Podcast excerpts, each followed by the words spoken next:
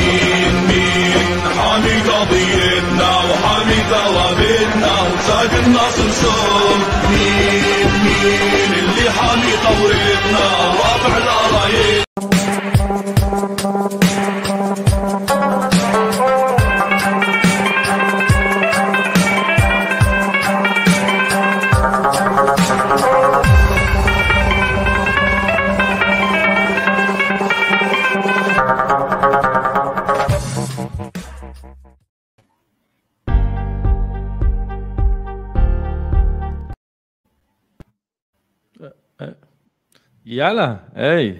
נתחיל, נתחיל. בלייב. כן, כן, כן. שנתחיל בלייב, שלום, שידור בהפתעה, תכלס והגענו לאנשים בלי שאף אחד ידע מזה. שלום כן, לכל כן. המצטרפים אלינו, hello hebros and shebros, ברוכים הבאים לשידור החי שלנו, באנו לכם בערב, בהפתעה, תראו לנו שאתם פה, תראו לנו אהבה, תעשו לייקים, תגובות, תעתיקו את השידור, שיתופים. למרות שהשעה... שיתופים, עניינים, תרגישו חופשי. כן. אה, ואלעד בן אחדות, האיש והאגדה, איזה כיף לפגוש אותך. הצלחנו לעשות את זה. שמע, היה לנו יום מורכב עם התפעול של זה, אמרנו 11 בבוקר, בסוף אנחנו ב-11 בערב. זה כאילו כן. הכי ערבי שלנו שיכול להיות. זה הכי עבודה ערבית. אה, אבל עשינו את זה בכל זאת. אנחנו אה, פה. כן, ויש לנו. תוכנית עמוסה בכל טוב, ויש לנו גם חוב אה, אה, לפרוע, יש לנו הרבה דברים אה, לדבר עליהם מאז הפרק האחרון, וגם לדבר קצת על מה שקורה לנו כן, פה היום. זה, שלמעשה צריך לומר, זה אותו פרק, חלק א', חלק ב', אנחנו בהמשך של הפרק הזה, כן, ממשיכים עם הראיס, עם יאסר ערפאת, ועם היורש שלו, עם אבו מאזן, שנדבר עליו גם יחסית באריכות היום, כן. אבל לפני הכל, מה שלומך? איך אתה? מה העניינים? איך עבר עליך השבוע? היה עבר אה, שבוע בסדר גמור. אה, שבוע של עשייה, אה, גם בבית וגם בעבודה. שיפצתי לבת שלי את החדר, והכנתי לה ככה את החדר לקראת העלייה שלה לכיתה א', אז אה, זהו, זה היה שבוע כזה של, אה, אתה יודע, וגם לצד זה משימות אה, בעבודה, בשוטף, חיים, בית, עניינים, הכל טוב, אחי. מעולה, איזה כיף. שמע, החיים ממשיכים, וזה, וזה כיף שאתה בעשייה ל, לילדה שלך, וזה, אין, בסופו של דבר, בשביל מי אני עובד? בשבילי אני עובד. בשביל ברור, קודם- בשביל. קודם כל בשבילה, אחי. קודם כל בשבילה, חד משמעית. מהמם. אה, כן. שמע, אני רוצה, יש לי כמה סרטונים אה, לדבר עליהם שהם קשורים דווקא לענייני אקטואליה, אבל לפי דעתי הם חשובים. אה, אני אתחיל מאחד שאנחנו מדברים עליו בפודקאסט שלנו, וזה גדוד איו"ש, שזה איזה הסתנפות של גדודי זה דין אל-קסאם. כן, כן. אה, אה, הם חמזאווים של- כלומר על שמו של ה- אה, של השהיד יחיא עיאש, כמובן, המהנדס שחוסל אי שם בשנות התשעים ברצועת עזה. נכון, אבל זה גדוד שהוא כאילו ילד סורר, אז חמאס היא כאילו אומרת, לא, זה לא משלנו, הם סתם התארגנות של חבר'ה, אבל בפועל אנחנו מדברים בפודקאסט שלנו שלאט לאט אה, יהודה ושומרון הופכת להיות יותר ויותר כמו עזה. אה, בייחוד בייחוד מחוז ג'נין, בייחוד מחוז ג'נין, הופך להיות ממש עזה הקטנה שם, עם כל הפלגים, ההתארגנויות, מטעני הגחון, הרקטות, כן. אז uh, הנה, uh, דיברנו על זה ואנחנו ממשיכים לדבר על זה. בהתחלה צה"ל קצת ניסה לטאטא את הדבר הזה, כאילו מצאנו סתם איזה משהו, מטען דמה שמדמה איזה רקטה, אבל לאט לאט החבר'ה האלה מתחילים להשתדרג.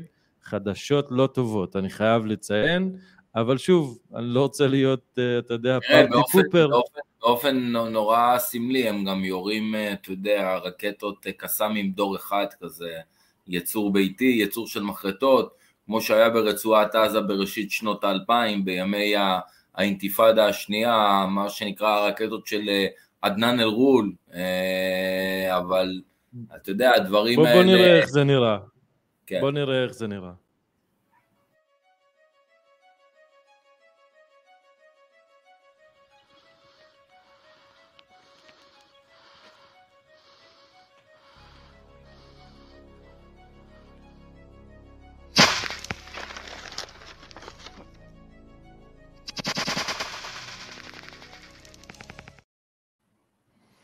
זהו, זה, זה הסרטון, נראה קיקיוני, נראה ילדותי, נראה לא מקצועי, אבל לאט לאט זה, שמע, זה... ככה, ככה, ככה זה מתחיל, במידה רבה, ואתה יודע, מפה, אם תהיה הזנחה של אה, מדינת ישראל, מערכת הביטחון שלה, היא לא תיתן את הדעת על, ה, על הדברים האלה, זה תופעה שאסור היה אה, ללכת, אה, ללכת ולהחמיר. ועם ההחמרה גם מגדל הטווח של הרקטות וכדומה, אתה יודע, בלי להכניס פה אנשים חלילה לפאניקה, פשוט מכירים את המציאות, אתה יודע, זה לא משהו שהוא מנותק מהמציאות.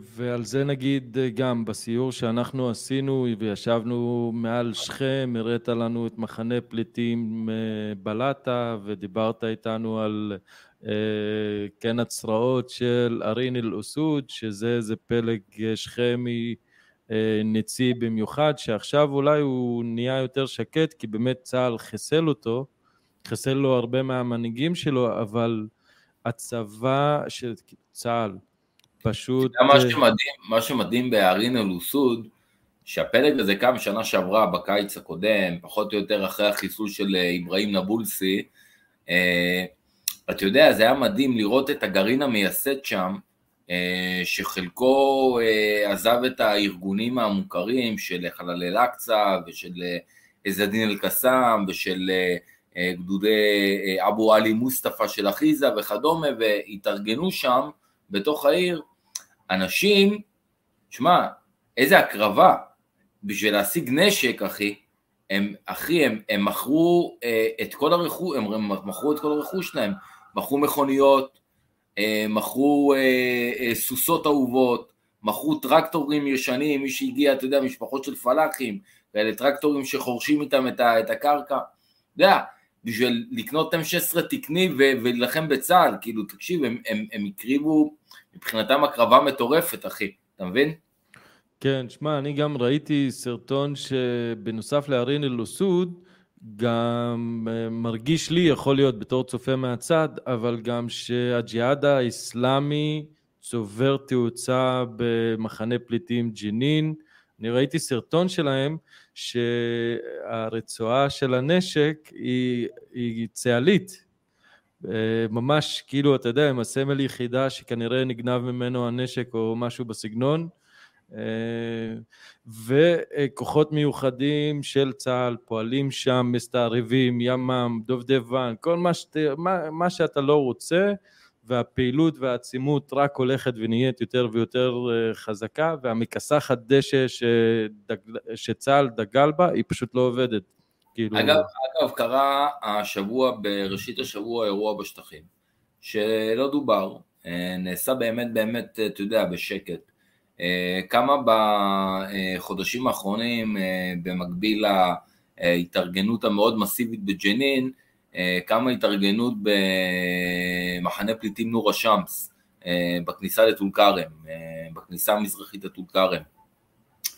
וצה"ל פשוט בכוח חטיבתי, לילה אחד, פשט על המחנה עם שורה של כוחות, גם כוחות מיוחדים וגם לא מיוחדים, ואפילו התגייסה לזה יחידת מילואים, יחידה 551, יחידת הניוד, ופשוט, אתה יודע, נכנסו לשם גם עם כלים הנדסיים, והרימו שם, ממש חירבו שם את הרחובות הראשיים של, של מחנה הפליטים, כדי, מה שנקרא, עשו שם עבודת שיסוף כדי לחשוף מטענים שהוטמנו, מה שנקרא, מתחת לקרקע, וזהו, וכאילו, תשמע, סיכלו תשתית טרור שמבחינת גודלה היא לא מחנה, מה שיש במחנה פליטים ג'נין, אבל בכל זאת, תשמע, עשו את העבודה בשקט, עבודה יפה, יצאו החוצה, גם בלי נפגעים, שזה בכלל, אתה יודע, בונוס גדול, וזהו. אבל מטענים התפוצצו שם, מי שעקב בטלגרמים ראה מטענים מוטמנים שהתפוצצו על ה-D9ים, וזה היה נראה, זה, זה ההתפתחויות תכלס, כאילו מטעני גחון מה שנקרא, והרקטות שאנחנו כן. רואים שזה... אתה יודע, אני אומר, כאלה מטענים היו מתפוצצים על כלי רכב שהם קטנים יותר, לא, ולא על D9, אחי. אה, זה יכול להיגמר באסון לא נורמלי, מטעני גחון צריך להבין, הם בקלות יכולים אה, להרים באוויר ולהפוך ג'יפ צה"לי ולגרום להרוגים, זה לא, זה לא צחוק. כן. מה, טירוף אבל, אתה יודע תכלס, כשאני חושב על זה, זה הגיבוי שהם מקבלים מהאוכלוסייה האזרחית, שוואלה נותנת לך על רחוב ראשי, להטעין לך פאקינג מטען, הילדים שלך נוסעים על הדבר הזה, אנשים הולכים לבית הספר, לא יודע, כאילו, הרי אנשים רואים, אנשים פעילים באים ומטמינים את הדבר הזה, הרי גם צה"ל, איך הוא יודע שיש שם מטענים? הוא, יש לו, אה, יש לו מודיעין, כאילו. ברור, אתה יודע, מודיעין זה קודם כל, אני אומר על אחת כמה וכמה, בניגוד לזירות רחוקות, אז המודיעין עדיין בתוך השטחים, הליבה שלו זה ה-Human, זה המידע שמעבירים למעשה הסוכנים אה, אה, בתוך השטח. אה, ותראה, אני, אני, אני חייב לומר קודם כל תמיד, זאת אומרת, זה ברור שהפלגי טרור שפועלים כביכול כדי להגן על, על אוכלוסיית המקום, מידי מדינה, ממדינת ישראל וכדומה, הם אה, לא רואים באמת האוכלוסייה ממטר, הם פועלים באופן מאוד מאוד מאפיוזי, אה, והם לא עושים הרבה פעמים מה שנקרא שיקולים הומניים בסיסיים, שהנחה של מטען על דרך ראשית בתוך מחנה פליטים יכולה, יכולה להסתיים באסון, באסון מאוד מאוד גדול. זהו. טוב.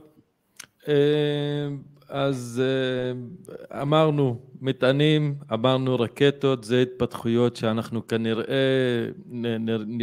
נשמע עליהן יותר, מעניין לראות איך זה יתפתח. אני רוצה לעבור לנושא הבא שלנו, והוא קשור לפרק האחרון, שבו דיברתי על, ה, על הטרגדיה של הפלסטיני הממוצע, שכאילו יש בעזה את חמאסטן, ויש ביהודה ושומרון את פתחסטן, אה, אבל מי שבאמת שולט בפועל, אה, יש לו, יש לו פחות פופולריות והולכת ודועכת את הפופולריות שלו, והיום בבוקר אה, ראינו מחזה כזה בח'אן יונס, ברצועת עזה, שעיריית ח'אן יונס באה כדי להרוס איזה בניין לא חוקי, אה, איזה בנייה לא חוקית שם, והם פשוט הפכו שם אה, קיר על אחד האזרחים, שאדי אבו קוטה קוראים לו, אה, והרגו אותו. זה מביא היום הפגנות של אנשים שוואלה מתקוממים נגד, נגד חמאס ונגד השלטון שלהם ששולטת ביד רמה ואכזרית והפתחאווים מנסים אה, לבוא ו- ולהתנגד להם ולצאת אה, להפגנות ודברים כאלה. אז יש לנו פה סרטון מאוד מעניין, כי הוא סרטון שממחיש, גם, הוא מתקשר גם לכל מה שדיברנו עליו, על סונה ושיעה, וזה שאם אתה ארגון טרור ש... רוב הארגונים, ארגוני הטרור המובילים בעזה מקבלים מימון מאיראן תכלס, אה, ואז אתה אומר לעצמך מתי אתה מפסיק להיות ארגון סוני והופך להיות ארגון שיעי, אה, וחמאס סובלת בדיוק מהדבר הזה שאנשים מתחילים לשנוא אותה ולחשוב שהם שיעים, וזה שהיא מקבלת צ'קים מאיראן, שם אותה בעמדה לא טובה, אז אני מראה את הסרטון הזה ואני אתרגם אותו אחר כך למי שלא יודע לדבר ערבית.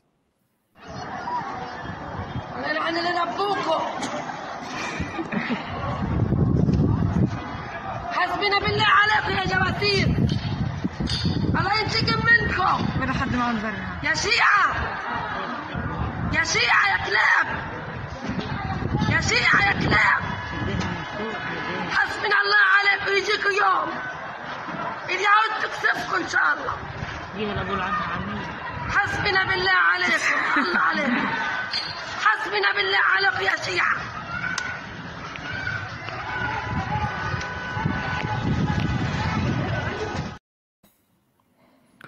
טוב, אז uh, למי שלא הבין באמת מה, מה קורה, לא צריך להבין ערבית כדי לשמוע קלאב שזה כלבים ושיעה שזה שיעה, uh, אבל uh, התחילו קצת uh, הפגנות בח'אן יונס על המקרה הזה, חמאס שולחת את השוטרים שלה והקהל המקומי, האוכלוסייה המקומית מקבלת אותם בכעס ובשנאה רבה.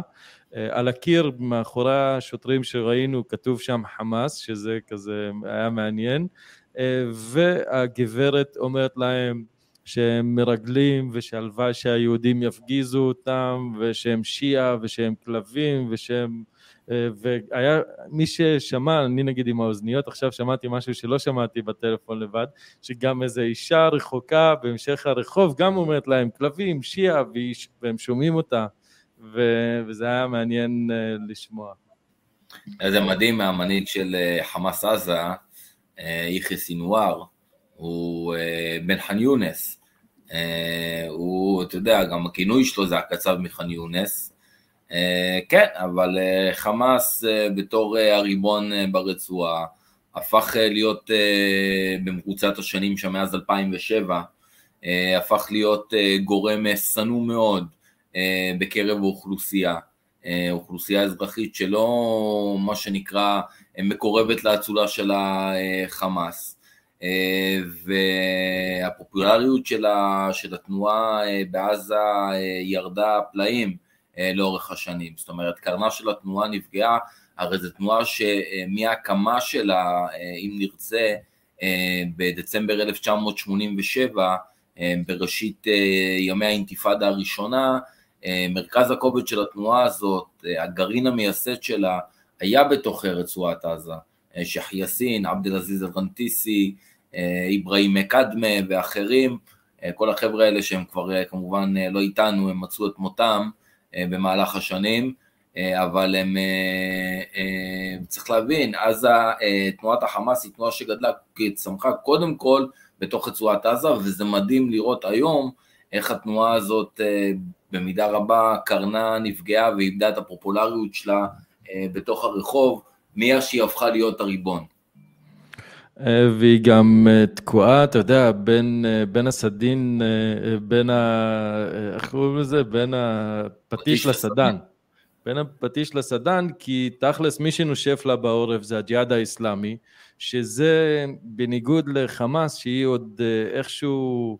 אה, אחים מוסלמים, צבע ירוק, סונה, הם שחור, אה, שזה כאילו, אתה יודע, אה, באים, אומרים, אני לא מתעסק לא בביוב, לא בפוליטיקה, לא ביודע, שום יודע, אני ארגון טרור, I'm a bad boy, באתי לפה בשביל לעשות פה כן, בלאגן. כן, זה, זה, זה הסיפור העיקרי של, ה, של הג'יהאד האיסלאמי. הם באמת bad boys, אין להם שום אחריות ממלכתית, אזרחית, הציבור לא באמת מעניין אותם, גם תראה, זו תנועה שהאחוזי התמיכה האלקטורליים של הרחוב הפלסטיני בהם היא מאוד מאוד נמוכה. יש להם איזשהו, אתה יודע, שיעור כן שתומכים בתוך רצועת עזה וגם בגדה, אם אני לא טועה המספרים נעים בערך על 4-5 אחוזים, אבל היא, היא תנועה שהיום בעזה היא לחלוטין אה, מאתגרת את חמאס מימין ונושפת אה, בעורפה ועושה לה חיים מאוד מאוד מאוד קשים. כמו שחמאס במידה רבה עשו לפת"ח ערב העלייה שלהם לשלטון ב-2007 ברצועה, ומעבר לזה, וצריך להבין, אתה יודע, את, את הסיפור של הג'יהאד האיסלאמי, את הסיפור של הג'יהאד האיסלאמי כתנועה שהיא תנועה איראנית, זה שגרירות איראנית לכל דבר בפלסטין, גם בגדה וגם, וגם בעזה.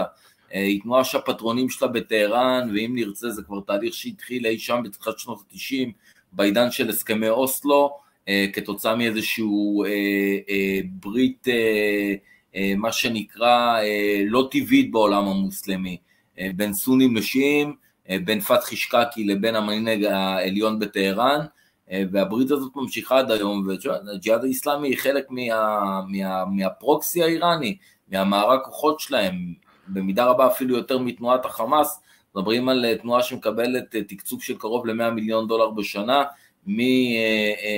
מטהרן, או אם נרצה ממשמור, כספים שעוברים כמובן דרך משמרות המהפכה, ודרך משרד החוץ של משמרות המהפכה, מה שאנחנו מכנים אותו גיס קוץ וכדומה, שפועל בתוך, בתוך העולם הערבי, זה, ה, זה, ה, זה הסיפור. והם עדיין נציים ו- וקשים, אבל כנראה לרחוב הפלסטיני ולהקצנה של הטרור זה לא היה מספיק, אז הארגון הבא אגב, אחרי... אגב, תשמע, זו תנועה שאני מניח, אתה יודע, אני, אני לא, אני, קשה לי לכמת את זה למספרים, אבל uh, היא, בגלל הקיצוניות שהג'יהאד האיסלאמי מפגינה, ותנועה ששמה מה שנקרא בחזית ובלב ההוויה שלה את המועקאוומה, את ההתנגדות, את, ה, את ההליכה לג'יהאד נגד ישראל, אה, היא תנועה ששובה את ליבם של המון צעירים, צעירים משפחות עניות, מיואשים וכדומה, אתה יודע, נותנת להם אה, זהות, נותנת להם חסות. מדהים, הכל יש להם ציוד.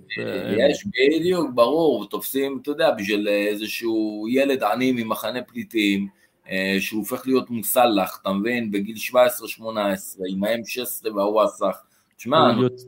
הוא יוצק משמעות לחיים שלו בזה שהוא מחזיק רובה, תכלס לא אכפת לו מזה שהוא משחק יד... לידיים של האיראני, אבל מה שניסיתי להגיד זה שזה היה כנראה לא מספיק ניצי, כי יש את ועדות ההתנגדות, שזה עוד יותר, כאילו, אתה יודע, ניצי, כן. להם יש דגל של חיזבאללה רק בכתום, כאילו, כן, אתה יודע. רק, רק נחזור ונזכיר לגבי ועדות ההתנגדות שכבר דיברנו עליהן פה, וגם דיברנו על הג'יהאד האיסלאמי כמה וכמה פעמים, אני רק נחזור ונאמר, ועדות ההתנגדות, היא תנועה שקמה בראשית שנות האלפיים ברצועת עזה, ממש עם ראשית ימי האינתיפאדה השנייה, המייסד שלה בחור בדואי בשם ג'מאל, אבו סעמדאנה, חוסל, אם נרצה, מספר שבועות לפני, ב-9 ביוני 2006, מספר שבועות לפני החטיפה של גלעד שליט בכרם שלום.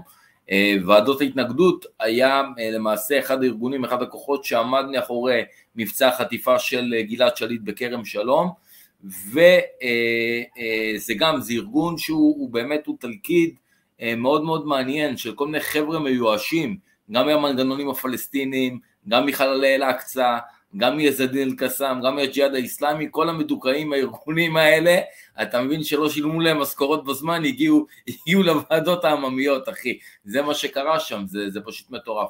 עכשיו, אני רק חייב לומר בהקשר של הג'יהאד האיסלאמי, לסגור איזה פינה, אה, דיברנו מקודם על זה שבתחילת השבוע, ב, ב, ביום שני, היה את המבצע במחנה פליטים נור א-שמס וטול כרם, אה, פעלו שם, מי שהכוח שפועל במחנה זה כוח שנקרא גדוד התגובה המהירה. גדוד התגובה המהירה בגדול זה פלג של הג'יהאד האיסלאמי, ושוב, הם, מה שהם, אני אומר, מה שהם ניסו לעשות שם, הם ניסו למעשה להעתיק את המודל של מחנה ג'נין למחנה נור א-שמס, שאגב הוא תמיד באופן מסורתי, כמו מחנה ג'נין וכמו מחנה בלטה בשכם, הוא מחנה מאוד מאוד ניצי בהוויה שלו.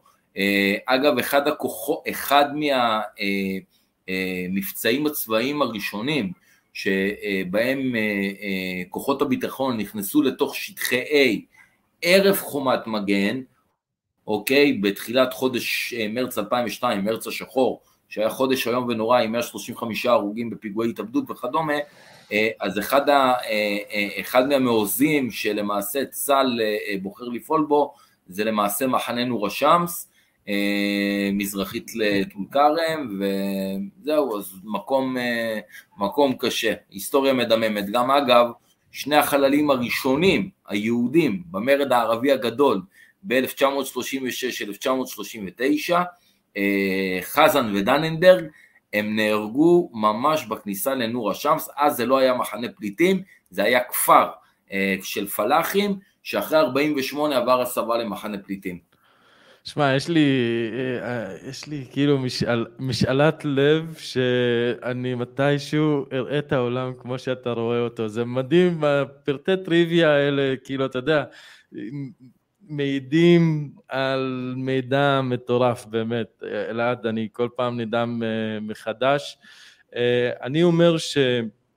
ועוד לא דיברנו על אה, על הסלפיסטים שהם, שהם כאילו, אתה יודע, אם זה ימין, אז מה, זה, אלה הם השמאל, אני לא יודע, אבל בגדול, הסלפיסטים לנו כ, כישראלים הם נכס, הם נכס כי הם מנסים ללכת בלי, בלי התחכמויות, אז נגיד כשחמאס מנסה אה, או נאלצת לעשות כל מיני אה, כאילו אה, לעגל פינות ונגיד להכניס אלכוהול לרצועה כי יש נוצרים והם הריבון והם כאילו צריכים לג'נגל בין כל מיני קבוצות מיעוטים שונות וכל כל, קבוצ... כל שלושה אנשים שם זה גדוד תכלס ויש להם, הם כאילו מנווטים ב...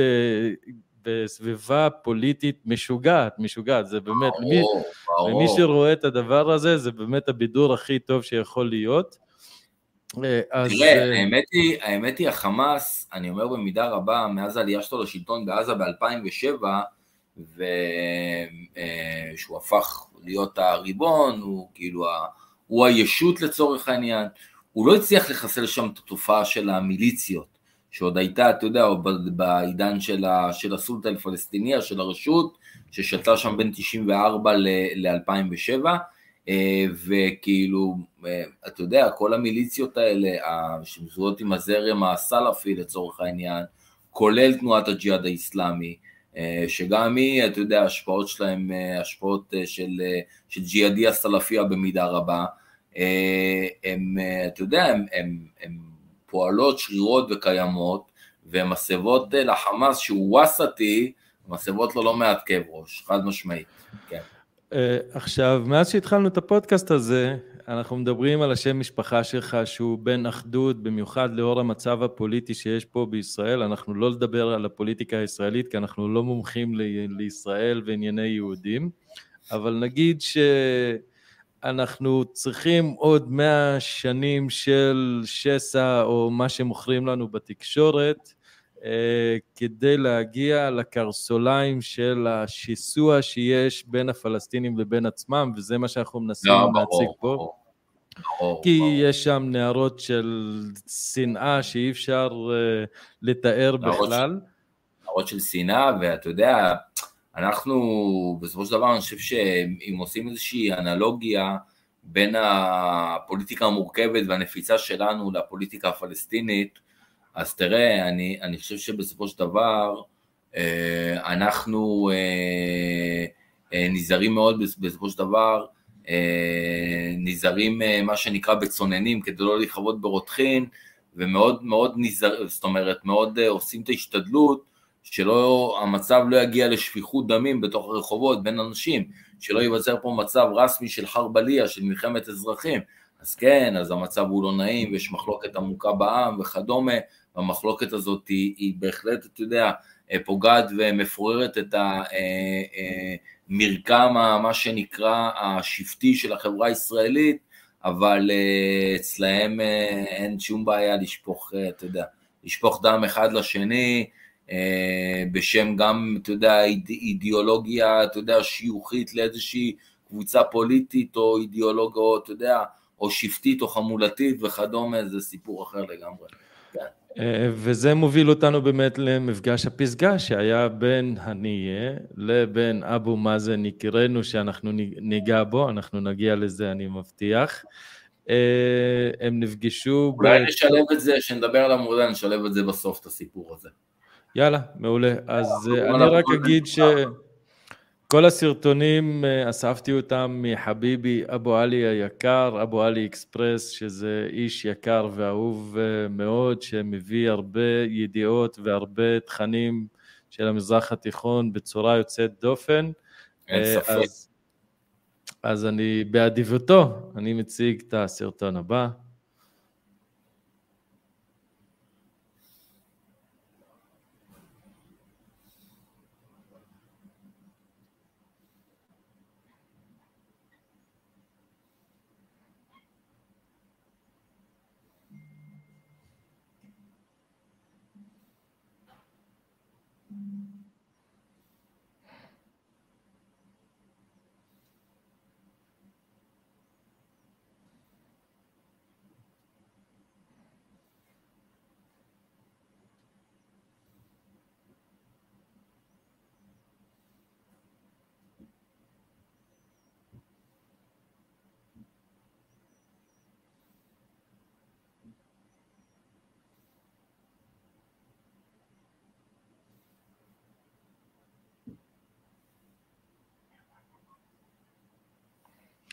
שמע, הם אפילו לא, לא יכולים לזייף אה, נעימות אחד ל- לשני, למרות לא, שנראה לי גם, מי, מי שסידר את הכיסאות ידע את זה, הם הרחיקו אותם אחד מהשני, אחד כאילו, אתה יודע, אבו מאזן הזקן, היי, קשה לי עם הצוואר להסתכל אחורה, ו... אה, שמע, אהב, אהבה אין שם. לא, חד משמעית לא. מה זה אהבה? יש שם, שם שנאה. תשמע, אני, אני תמיד אומר, אתה יודע, אם אה, אבו מאזן היה אה, מעז אה, לעזוב את המעון ברמאללה ולנסוע לעזה, הוא לא, יש סיכוי טוב שמרצועת עזה הוא לא היה יוצא חי. הוא לא יוצא חי, אחי. אה, כן, אה, האמת שעד לא מזמן באמת אה, כל מיני נציגים של הרשות הפלסטינית היו נכנסים לרצועה והיה זה, פעם, אחרונה, פעם אחרונה שאיך קוראים לו, נכנס לרצועה. מג'ד פראג'? לא, זה לא היה מג'ד פראג', הפעילו עליו מטען, אחי, ניסו לחסל אותו. אפילו מטען, הפעילו מטען, מג'ד פראג', אחי, על ראש המודיעין הכללי, אחי. כן. כן. ומאז לא שמענו על ביקורים רשמיים של הרשות הפלסטינית. אנחנו הולכים לקראת כאוס, לפי דעתי, עם הדבר הזה. אה, לפני שנתחיל לדבר על המוקטעה וערפאת ואיפה שהפסקנו, אני רק רוצה להתייחס לפה לשתי שאלות, אה, שאני אומר שזו שאלה שהיא היא פודקאסט בפני עצמה, אז אנחנו לא, לא ניגע בה באמת, למה העם האיראני שונא את היהודים. אני חושב שנתייחס לזה באיזו הזדמנות, אבל שזו שאלה מצוינת. אה, אנחנו נדבר על זה במיוחד שהעם האיראני היה חבר ממש טוב לישראל עד 79, ווופ, בשנייה התפלא ונהיה שם איזה משהו, שווה לבחון את זה. ודבי היקרה שואלת מה זה Hebrews and Shebrews, אז זה עבריים ועבריות, או uh, באנגלית זה he-bro, שזה אח בגוף של גבר, ו-she-bro, שזה אח בגוף של גברת. אז אחים ואחיות. דבי, תודה על השאלה.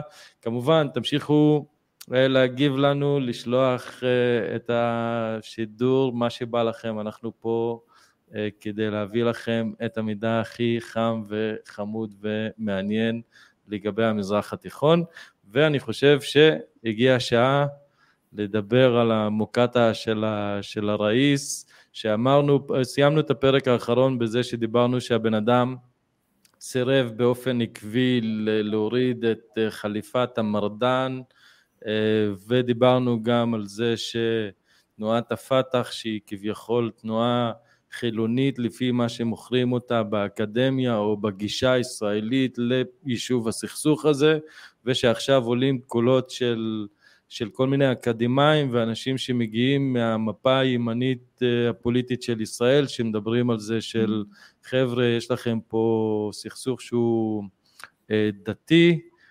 ביסודו וצריך למצוא לו פתרונות בצורה דתית או להשתמש בשפה דתית כדי לנסות למצוא איזשהו פתרון או דיאלוג או שיח ולא להלביש על זה את הדיון הלאומי, כמו שניסו לעשות האמריקאים למשך הרבה מאוד שנים. אז מה, מה עוד אה, היה לנו לגבי ערפאת שאנחנו צריכים אה, לדעת לקראת סוף, ה, סוף החיים שלו, ואותי מעניין איך אבו מאזן מגיע לרשת אותו, אבל לפני זה, מה, מה היה לנו שם ב-2002, נראה לי, היה שם תקופה מעניינת. כן, אני חושב שסוף חייו של ערפאת, אה, סיפור מעניין, אם נרצה, מהליכה שלו לקמפ דיוויד 2000, אה, בניסיון ללכת לאיזשהו משא ומתן אינטנסיבי אה, עם, אה, עם מדינת ישראל. תראה, שהוא יושב סביב השולחן העגול בקמפ דיוויד עם ברק ועם קלינטון, מי שהיה אז נשיא ארצות הברית, והוא לראשונה אה, מה ש, משהו שגם לא קרה בהסכמי אוסלו אגב, אה, נשאלה שאלה על אה, מעמדה הדתי של ירושלים. וקלינטון שאל את ערפאת, איפה למעשה לדעתך היה, איפה היה בית המקדש היהודי? ערפאת מסתכל עליו ואומר לו, בלנבלוס, בשכם. הוא התכוון, ל, הוא התכוון לג'אבל א-טור, להר גריזים. וקלינטון, תשמע, קלינטון צריך להבין את הרקע שלו. אה, נוצרי אדוק, אה, מזוהה עם הכנסייה הבפטיסטית, בן אדם שכל יום ראשון בבוקר הולך לכנסייה. אה, הוא התפוצץ מזעם, ממש. הוא כעס, הוא פשוט רתח, הוא נהיה אדום. הוא אמר לערפאת, ממש בכעס, באנגלית, אמר לו, אתה רוצה להגיד לי שכל מה שאני יודע על, על ישוע, אה, למעשה שהוא הגיע למקדש בירושלים ונשא שם נאום תוכחה נגד, ה, אה, נגד הכהונה היהודית, נגד הכוהנים, אה, על השחיתות שלהם וכדומה, ואתה רוצה להגיד לי שכל זה לא היה קיים, שלא היה מקדש יהודי בירושלים? אז הוא אומר לו, לא, זה קרה, אבל זה קרה ב, בשכם. עכשיו, כשהוא אומר שכם, הוא התכוון למזבח השומרוני בהר גריזים, אתה מבין? עכשיו, תקשיב, בגדול, אה, אה, ערפאת, אם יש משהו אחד, תמיד כשנגעו איתו בנושאים מדיניים, הוא היה מאוד מאוד לא ממוקד. הוא תמיד ברח לכל מיני סיפורים, סיפורי מה שביידיש אומרים בובה מייסס, אוקיי? הוא סיפר על הילדות שלו בפלסטין המנדטורית, למרות שהוא לא היה חי, הוא היה במצרים בכלל, כן? על זה, על החיים בפלסטין המנדטורית, אה, שאימא שלו, אה, זאווה, הייתה שולחת אותו, אה, מה שנקרא, ללכת קילומטרים ברגל, לשאוב מים מאיזה באר, ואז כאילו, מי שישב שם היה סגון, סגן ראש השב"כ, הוא היה חלק מהמשלחת הישראלית, הביאו אותו, כי הוא דיבר ערבי טוב, והוא, אתה יודע, הוא עבד שנים במגזר הערבי הפלסטיני, הוא מכיר את הזה, והוא אומר, הוא אומר, הוא אומר, הוא אומר באוזן לאהוד ברק, הוא אומר לו, תשמע, משהו פה בסיפורים של ערפאת, לא, לא מסתדר, שום סיפור לא מסתדר לי במציאות. הוא אומר, איך זה הגיוני, איך זה הגיוני שהוא הלך את המרחק הזה וחזר באותו יום אחרי שעה, הוא אומר לו, משהו שפה, אתה מבין? כן. אז ערפאת בסופו של דבר בשיח, הוא, הוא לא היה ממוקד. עכשיו, אה, תראה, הוא עשה שם צנות לא נורמליות, הוא עשה שם דרמות, אחת מהן הוא עזב שם משולחן המשא ומתן, הוא יצא בזעם, הוא עשה שם הצגה, ניסו להרגיע אותו מהמשלחת הפלסטינית, אבו עלה, אה, אחמד קריה, ניסה להרגיע אותו, אמר לו, אה, יא סיידי, הראיס, בוא, תשב, תירגע, הוא כזה, הוא עזב את השולחן וכדומה, והוא התחיל, אה, הוא התחיל, הוא יצא מהחדר, ומי שקמה ורודפת אחריו כדי להחזיר אותה לשולחן המשא ומתן זה מדלן אולברייט, הייתה שרת החוץ האמריקאית, אה, מה שנקרא מזכירת המדינה, והיא הייתה כבר אישה מבוגרת, אתה יודע, על נעלי עקב, היא רודפת אחריו כדי להחזיר אותו לחדר, הוא יצר שם סיטואציות מביכות מאוד, סיפור הזה, בסוף תשמע, בסוף, בסוף, אה, אתה יודע, כאילו, אה, אה, מה, מה אנחנו מכירים? אנחנו מכירים את זה שאהוד ברק חוזר לארץ, והוא אומר, באמת שניסיתי, אבל לא מצאתי פרטנר. לא היה פרטנר, מה שנקרא, להתדיינות, להבנות וכדומה. ערפאת, תראה, גם בהסכמי אוסלו וגם בדיוויד, בקמפ דיוויד 2000, צריך לומר את האמת, רצה 100% מהחלומות שלו, גם שיבת הפליטים, גם את אל-קודס אל-שרקי, את ירושלים המזרחית, גם ויתור מוחלט על יהודה ושומרון, והישראלים היו מוכנים לתת הרבה, אבל לא לתת הכל. ובסופו של דבר זה מתפוצץ. וכשזה מתפוצץ, נגמלה במידה רבה ההחלטה של ערפאת, אחרי שהוא חוזר לשטחים, ללכת למהלך של, של אינתיפאדה, והוא מודיע לאשתו, לסואה ערפאת, לסואה, לסואה דאוד טווילי, הוא מודיע לה, תשארי בפריז עם הילדה, הייתה להם אז ילדה קטנה, בת חמש, ושאגב הילדה נקראת על שם אימא של ערפאת, הבת, אוקיי? אתה איתי? אני איתך, אני איתך לגמרי. הוא, גם סיפר הרבה, כאילו היה לו קשר מאוד מיוחד על אימא שלו, והיא כן. הייתה, הוא היה שם איזה משהו קצת אובססיבי. כן, היה לו, כן, הוא גם, הוא התייתם מאמא שלו בגיל צעיר והייתה חסרה לו שם דמות אם וזה משהו שהיה ניכר וכדומה, לא משהו אובססיבי כלפי אימא שלו. ומעבר לזה, היה לו, אתה יודע, גם לימים סואה, שהוא אמר לה תשארי בפריז, אל תבואי, אני הולכת להתחיל אינתיפאדה בארץ, היה לו, תשמע, סואה ניסתה להיפרד ממנו עשרות פעמים. אבל הוא כל פעם שכנע אותה, אתה יודע, להישאר, להישאר במקומה ולא לא ללכת. למרות שהם לא באמת חיו חיים שיתופיים באמת, כי רוב הזמן הייתה בגלות, היא הייתה בחו"ל, היא לא, אתה יודע, היא לא הייתה בסביבתו בכלל, והיא ידעה עליו שהוא קמצן, בצורה, אתה יודע, כל פעם שאתה אומרת לה, ומה איתי, אתה צריך, אתה יודע, לדאוג לנו לזוגיות, לקנות לי משהו, אז היא אומרת שכל פעם שהיית אומרת את זה, הוא היה מביא לה כל מיני מזכרות של, של פלסטין וכדומה, היה מביא לה כל מיני, אתה יודע, הוא היה מביא לה מהעיר העתיקה בירושלים, כל מיני... יודייקה, יודייקה. הקיצר, תשמע, הוא היה, הוא היה דמות, אחי. היא, היא, היא גם סיפרה עליו, היא סיפרה שהם, שהם הכירו רק, היא הייתה אז בחורה צעירה, בשנות ה-80, הייתה בראשית, בתחילת שנות ה-20 שלה, והיא היא באה, היא הייתה איתו בתוניס, והם ישנו באיזושהי דירה, ובדירה היה שם עכברים, היא שמעה עכברים, כאילו, והיא אומרת לה, אני לא, עכשיו, אני אומרת לו, אני לא יכולה, אני לא יכולה לשמוע, אני אומרת לו, אני מפחדת, אני לא יכולה להירדם ככה, הוא אומר לה, זה קיוט, זה קיוט, הם חמודים, תשני, תשני, הכל בסדר, אחי. אתה מבין? תשמע, איזה בחירה זה להתחתן עם ערפאת, זה חתיכת בחירה, אחי. אבל הגברת הזאת ירשה מיליארדים והיא חיה כמו קינגית עכשיו במלטה. ברור, תשמע, קודם כל היא, היא, יש לה הסכם עם הרשות, אני, אני לא יודע אם, אתה יודע, זה עדיין בר קיימא, זה איזשהו הסכם עם הרשות, היא מקבלת מהרשות אה, אה,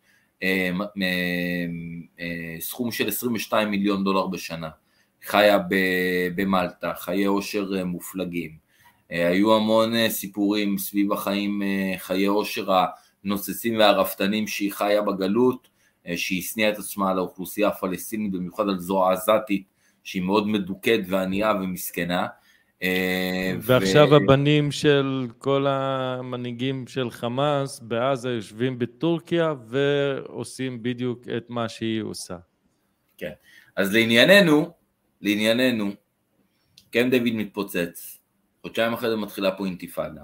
אני חושב שבאמת השאלה הגדולה, אה, שגם סיימתי את הפודקאסט פעם קודמת, האם ערפאת אה, היה, אם נרצה, אופורטוניסט, שניסה על גלי הזעם של הרחוב, אחרי העלייה של שרון להר הבית, אוקיי? אה, ו... אה, או לחילופין, אה, ערפאת הוא זה שנתן את האור הירוק לאינתיפאדה. היה ברור כבר באביב 2000, סביב מאי 2000, באירועי יום הנגבה של שנת 2000, מי ש... אה, למעשה הצית אירועים מאוד אלימים בתוך מדינת ישראל באירועי הנגבו של שנת 2000, היה מרואן בראוסי.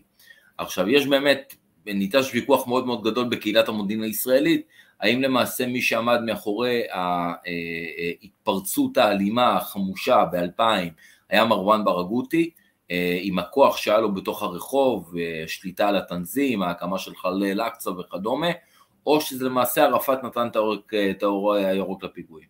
ערפאת נתן את האור הירוק, אה, לדעתי הוא רצה ללכת לאיזשהו מהלך מאוד מאוד מצומצם מבחינת האלימות כלפי מדינת ישראל, איזושהי התקוממות חמושה של מספר שבועות, אה, המציאות הפכה לו על הפנים, הוא איבד שליטה על השטח, ולמעשה במידה רבה אה, כשהוא מאבד אה, שליטה על השטח אז פלגי האופוזיציה אה, במקביל מתחילים להוציא, להשיב את מה שנקרא את האיסטישד, את פיגועי ההתאבדות כאופציה, והחל מסוף שנת 2000, תחילת 2001 מתחילים פה שוב פיגועי התאבדות, כמו שהיו בעידן של אוסלו ובשנים של בין אוסלו לקמפ דיוויד, וזה היה אירוע קשה, מדמם, אני יודע מה, אני חושב שהאירוע של מה שאנחנו מכנים פה אה, אינתיפאדת אלטני, האינתיפאדה השנייה, הוא לא, הוא לא, אה, אני חושב שהשם עושה עוול לאירוע הזה שקרה פה בארץ בין 2000 ל-2005. זו הייתה מלחמה. נהרגו בצד הישראלי 1,172 קורבנות, אזרחים וחיילים, וכמובן גם הפגיעה בצד הפלסטיני הייתה איומה, אה, נהרגו בין 3,500 ל-4,000 איש בצד הפלסטיני, זו הייתה מלחמה לכל דבר ועניין. מעולם מדינת ישראל מאז הקמתה, באביב 1948, לא חוותה פגיעה כל כך קשה בעורף הישראלי שלה. אני אומר, להוציא את האירועים של מלחמת העצמאות, שמטבע הדברים גם, גם אוכלוסייה אזרחית נפגעה במלחמת העצמאות, מאז מלחמת העצמאות ב-48 לא הייתה חוויה כל כך, אה, הייתי אומר, קשה אה, של אלימות כמו שהייתה בשנים האלה שבין 2000 ל-2005. היה במהלך האינתיפאדה הזאת קרוב ל-60 פיגועי התאבדות, אה, שהם אגב היו בסופו של דבר פרומיל קטן מסך האלימות הפיגועי התאבדות. אה, כי נלוו לפיגועי התאבדות, אה, אין ספור פיגועי ירי והפעלות מטען אה, וירי רקטי ברצועת עזה, וזה היה כאוס אחד שלם, כאילו חדירה ליישובים ושחיטה של משפחות בתוך הבתים שלהם, היו אירועים איומים, זה היה שנים באמת איומות שאני חושב שבמידה רבה השאירו את החברה הישראלית וגם אותי בפוסט טראומטיים. אתה יודע, כאילו זה לא, זה שנים שאני חושב שכל מי שחי פה באותם שנים, אה, והוא היה ככה מה שנקרא, זאת אומרת בר דת, והוא זוכר את השנים האלה, אה, באמת יכול לסמן אותם כשנים מאוד מאוד אה, מאוד קשות. בסופו של דבר, תראה, ראש המודיעין הפלסטיני דאז, תאופיק טיראווי מיריחו, אמר, אומרת, בין אם שרון היה עולה להר הבית או שרון לא היה עולה להר הבית, אוקיי? אה, אה, האינתיפאדה השנייה הייתה, אה, הייתה פורסת, כי זה מה שהראיס רצה, כי זה מה שערפאת רצה. אני שמעתי, זאת אומרת, את הדברים האלה מפיו של תאופיק טיראווי, יצא לי לדבר איתו בעבר, הוא אמר לי את הדברים האלה, מעבר לזה, הוא היה אחד הגורמים בתוך השטח, תאופיק טיראווי, שהיה מאוד מאוד ניצי, שדחף מה שנקרא גם למהלך של אינתיפאדה, כל המערכת הפלסטינית בסופו של דבר יישרה קו עם הרעיון, וצריך להבין שגם יממה לפני ששרון עולה להר הבית, כלומר ב-27 בספטמבר, היה באזור צומת נצרים ברצועת עזה אה, פיגוע שבו נהרג לוחם גבעתי דוד בירי, אה, זיכרונו לברכה, אה, וזהו, אבל האירועים בהר הבית, למעשה אם נרצה, נתנו את, ה, נתנו את הפתח נתנו את הפתח, אה, מה שנקרא, לאלימות מטורפת, וישר אחריה בסיור משותף באזור קלקיליה נהרג לוחם מג"ב בקבע, יוסי טבג'ה, והאירועים שבה, האירוע שבו למעשה נהרג בסוף מדחת יוסוף בקבר יוסף ליד מחנה בלטה, ואירוע הלינץ' ברמאללה, הייתה שורה של אירועים בתחילת האינתיפאדה, שלא השאירה מקום, וצריך להבין, בחודש הראשון של האינתיפאדה, בחודש אוקטובר 2000, צה"ל ירה על פלסטינים מיליון קליעים. מיליון קליעים, תקשיב, זה, זה, זה, זה, זה מספר מטורף, אחי. זה מספר מטורף. מטורף. כן. כן. אה, לגבי העניין, אה, הטענה הזאת שבאמת אה, הראיס רצה את, ה... את האינתיפאדה הזאת, זה, זה מעניין לחשוב, כי יש איזו נטייה כזאת של, ה, של הפלסטינים, של לנסות לקחת קרדיט של בדיעבד. אני זוכר שעבדתי על, ה, על החיסול של אבו ג'יהאד, עבדתי על סרט ש... עסק בחיסול של אבו ג'יהאד, חליל אל-וזיר בתוניסיה, אה, אז גם על אבו ג'יהאד דיברו שהוא היה המנוע והקטר אה, אה, שעמד מאחורי האינתיפאדה הראשונה, שהוא זה שהזיז והקים ועשה ו- ו- ועשה את הדבר הזה, ו- ונשאלת השאלה, כאילו, אתה יודע, איך אפשר לבוא ולעשות התקוממות אזרחית למעשה, אה, ולהביא אותה לכדי כזאת אלימות, זו שאלה באמת... אה, אני חושב, אני חושב שהאינתיפאדה הראשונה, בניגוד, לאינתיפאדה, בניגוד למה שאנחנו קוראים האינתיפאדה השנייה, או מלחמת ישראל ברשות הפלסטינית ובפלגים הפלסטינים, אה, אני חושב שהאינתיפאדה הראשונה באמת קמה כאיזשהו, באופן שהפתיע במידה רבה את תוניס. את ההנהגה הפלסטינית בתוניס, את כולם, גם את ערפאת, את אבו מאזן, את אה, אבו ג'יהאד ואחרים, אה, והיא קמה באמת כאיזשהו אירוע מאוד מאוד אותנטי, אה, שבו למעשה אוכלוסייה אזרחית שמעשה בדיכוי של ממשל צבאי שמנהל את חייהם ויצא מה שנקרא לפרוק קול, וזה היה באמת, תחילת האינתיפאדה, אה, הייתה מזוהה עם אה, שריפה של אה, צמיגים ויידויי אבנים וכדומה, ומהרגע שראינו כניסה של נשק חם, פעילות של נשק חם בתוך האינתיפאדה הראשונה והקמה של מיליציות, הבנת שיש יד מכוונת. ואז מאותו שלב ואילך, כמובן שלאבו ג'יהאד היה תפקיד מרכזי כאדריכל טרור מאוד מאוד מוכשר. ובאמת קמו, אתה יודע, כל מיני חוגים חמושים, אה, בגדה אה, אז בשעתו, אה, מה שנקרא כנופיות הפנתר השחור של הפת"ח והנשר האדום של, של אחיזה וכדומה, והם כולם כמובן קיבלו מימון מגורמים שונים באש"ף, מג'ורג' חבש, מאבו ג'יהאד וכדומה, וכן. אז ישראל יוצאת למבצע חומת מגן, מגיעים למוקטעה, שם עושים לו מטעמים ועושים ממנו מנעמים. כן, אה, רק, רק חשוב רגע להגיד, כדי להשלים פה איזושהי תמונה, למדינת ישראל, בגלל שהיא כיבדה את הסכמי אוסלו, צריך להבין שגם אה, מה שנקרא תוך כדי ימי האינתיפאדה, אה, חצי שנה אחרי פרוץ האינתיפאדה יש חילופי אה, ממשלות בישראל, ברק שמגיש את ההתפטרות, הולכים לבחירות, עולה כמפלגת השלטון הליכוד בראשות אריאל שרון, מי היה מאמין להגיד אריאל שרון ולא בנימין נתניהו, אתה יודע, בקיצור, ויש חילופי, זה, ותשמע, יאמר לזכותו של, של שרון, שהיה ידוע כמה שנקרא עורף ראשים של, של טרוריסטים, של פלסטינים, איך שלא זה, אה, הוא היה מאוד מאוד מאופק, והוא מאוד כיבד את ההבנות של אה, אוסלו, אה, והוא לקח לו הרבה זמן כדי לתת את ההוראה להכניס כוחות פנימה אל תוך שטחי A. הייתה ערב, מה שנקרא חומת מגן, מספר שבועות לפני, אמרתי, הייתה כניסה לתוך שטחי A לראשונה בשמיני במרץ 2002, למוחיים נור א-שמס, למוחיים בלטה, ולעיירת אמון אה, מזרחית, מזרחית לשכם. ואז אה, מה שלמעשה מביא את מדינת ישראל להחלטה ללכת למבצע צבאי רחב היקף, מבצע אה, חומת מגן, שבמסגרתו למעשה כוחות צה"ל פושטים גם על המוקטעה ברמאללה וחבר'ה שם מפלסר גולני תפסו את המוקטעה וכדומה.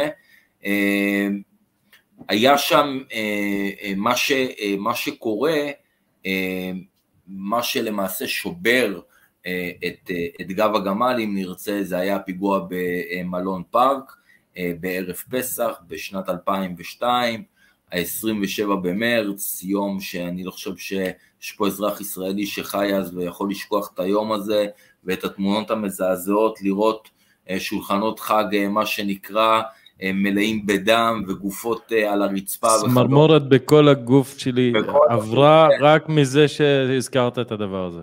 באמת. כן, עכשיו, מי שמוציא את הפיגוע הזה אה, למעשה היה אה, אה, הענף של עזדין אל-קסאם באזור טול כרם, אדריכל הפיגוע היה עבאס אל-סייד, היה לו שותף בשם, בשם קייס עדואן, קייס עדואן היה מאזור, מאזור העיירה טובאס, גם איש חמאס. בחייאת אלעד, אם אני אשאל אותך עכשיו לתעודת זהות של האנשים האלה, אתה תדע כאילו מה נסגר איתך.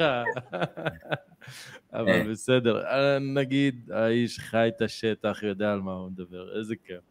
בקיצור, אה, הם, הם שולחים לשם אחרי, זה פיגוע שהם תכננו אותו במשך חודשים, כי מה שקורה, הגרעין הזה של החמאס בטול כרם, של עבאס אל-סייד, הוציא פיגוע במאי 2001 בקניון השרון בנתניה, פיגוע של חמישה הרוגים, פיגוע קשה. ואז כאילו ההתארגנות הזאת יורדת מתחת למחתרת. השב"כ חודשים לא מצליח אה, מה שנקרא למצוא דל מידע עליהם, כאילו על החבר'ה האלה של עבאס א-סייד, ואז הם מתכננים שם אה, את הפיגוע הזה בערב פסח, שהוא היה פיגוע שובר שוויון, שמדינת ישראל לא הייתה מוכנה לשאת ולתת איתו, שולחים מחבל, את אה, עבד אל-בסט עודה, מגיע לשם מחופש כאישה, נכנס אפילו אומר ערב טוב לאחד הנשים שהוא פוגש בכניסה, לחדר האוכל במלון, מתפוצץ, וזהו, ומפה כאילו נגמר הסיפור.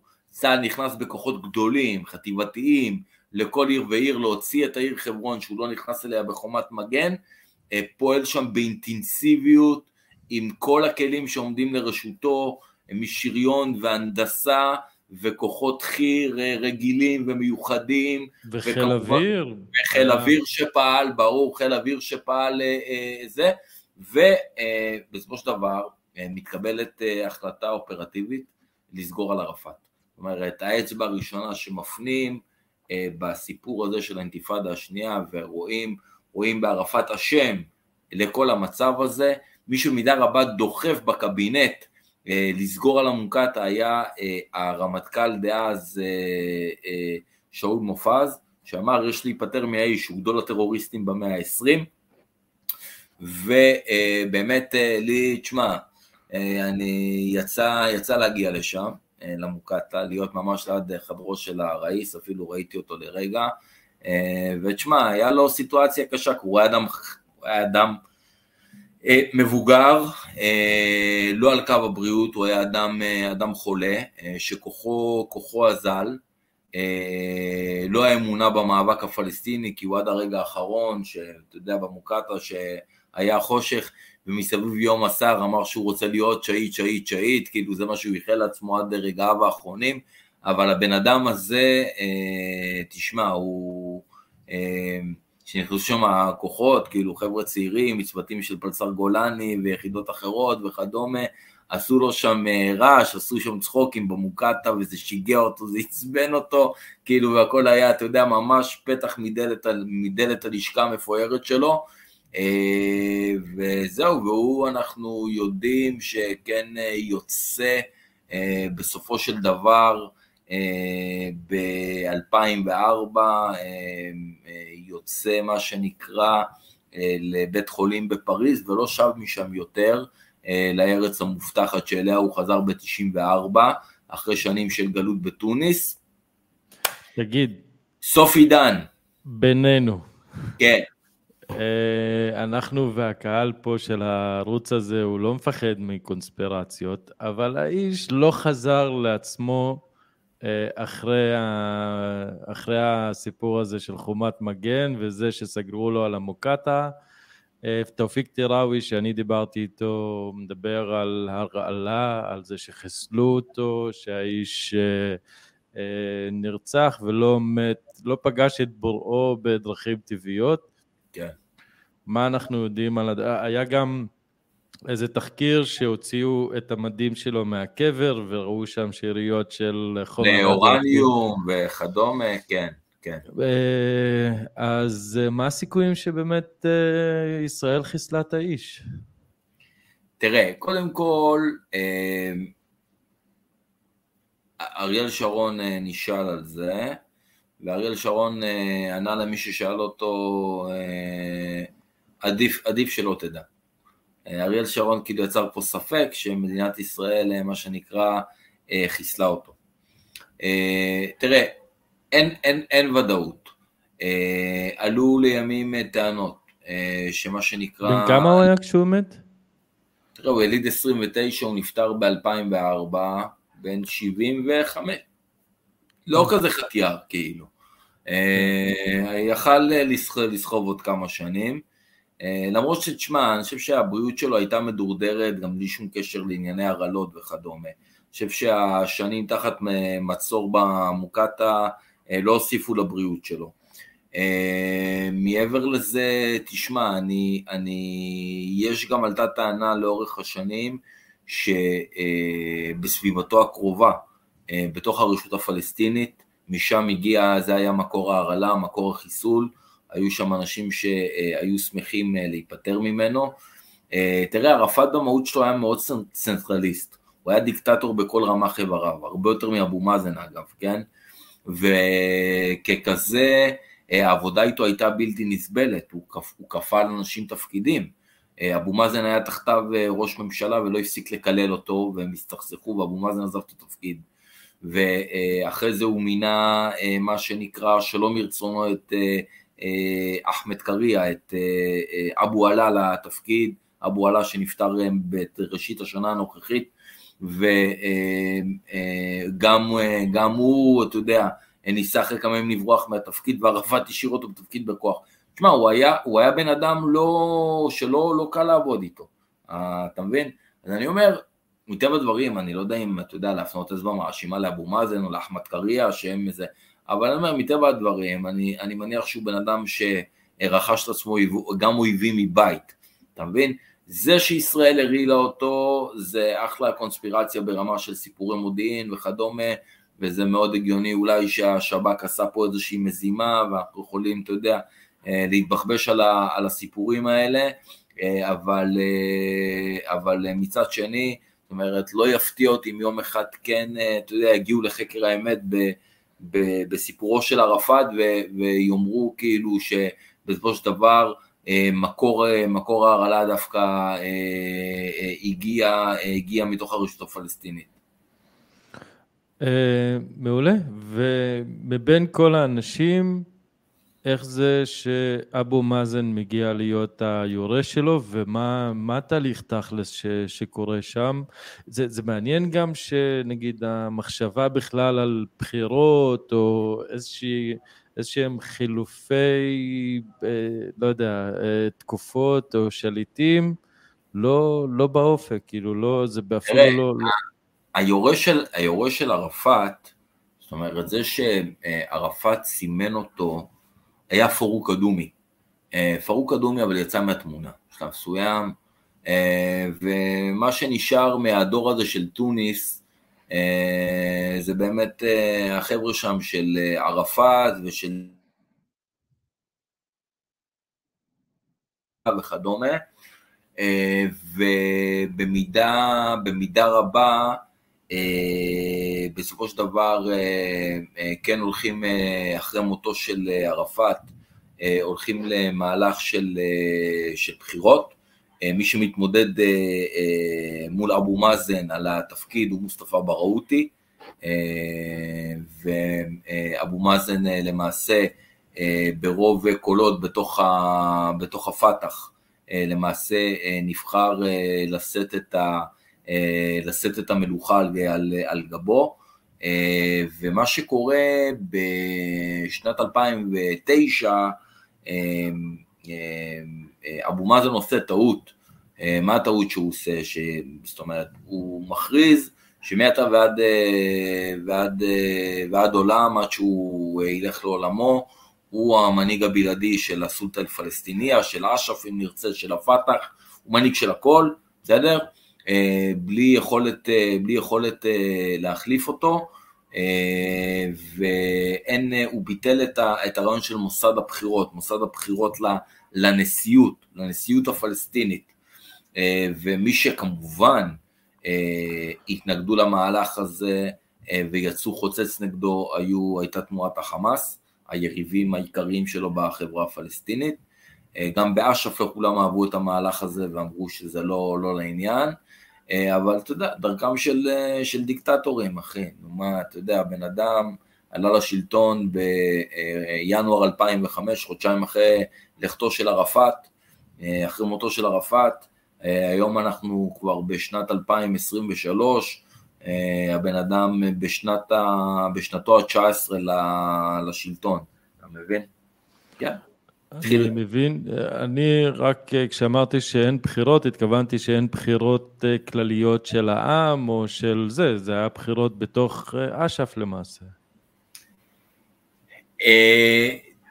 זה היה בשעתו שאבו מאזן נבחר לנשיאות הפלסטינית, היו, לא, זה נפתח לבחירות של העם, זאת אומרת, כן, נפתח לבחירות, לבחירות של העם, אם אני, אם אני יודע נכון, והמתחרה שלו בתוך הפלסטיני היה מישהו שהוא לא היה כאילו, אתה יודע, הרי למונח הזה של חארג' ודחל, יש כל מיני, כל מיני היבטים אה, ב, ב, ב, באספקט הפוליטי הפלסטיני.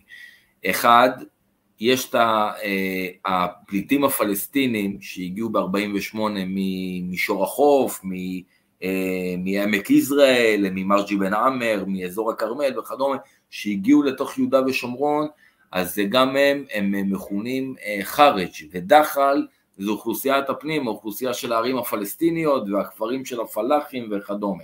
עכשיו, מי עוד חארג'? חארג' זה החבר'ה שהגיעו מהגלות בתוניס, הם גם, הם גם אה, זה, אתה מבין? אז מי שמתמודד מול, אה, מול אבו מאזן ב-2005 היה מהדחל, היה מחמולת בראותי, שלא היה חלק מהכנופיה של תוניס, אוקיי? מוסטפא בראותי, אה, משפחת אצולה הפלסטינית מאזור, מאזור רמאללה, ויש שם בסופו של דבר מי שבוחרים באבו מאזן.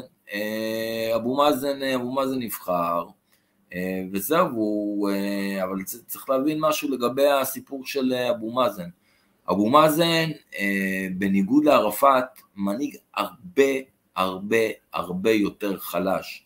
אם ערפאת הצליח בשנות כהונתו להחזיק למעשה את החברה הפלסטינית עם כל המתחים והלחצים הפנימיים שלה והאופוזיציה הלוחמנית של החמאס, הוא הצליח להחזיק אותה אה, במידה רבה כ, אה, כמקשה אחת, והיה בסופו של דבר בינו, אם נרצה, אה, לבין המנהיג הרוחני של חמאס, שייח' יאסין, יחסים טובים ו, וכדומה. אחרי שערפאת הולך, יש זילות כלפי הדמות של אבו מאזן. מצפצפים עליו בייחוד בתוך רצועת עזה, אה, הפלגים הפלסטינים שם עושים לו את המוות, נושפים בעורפו, ואנחנו רואים את זה מהר מאוד.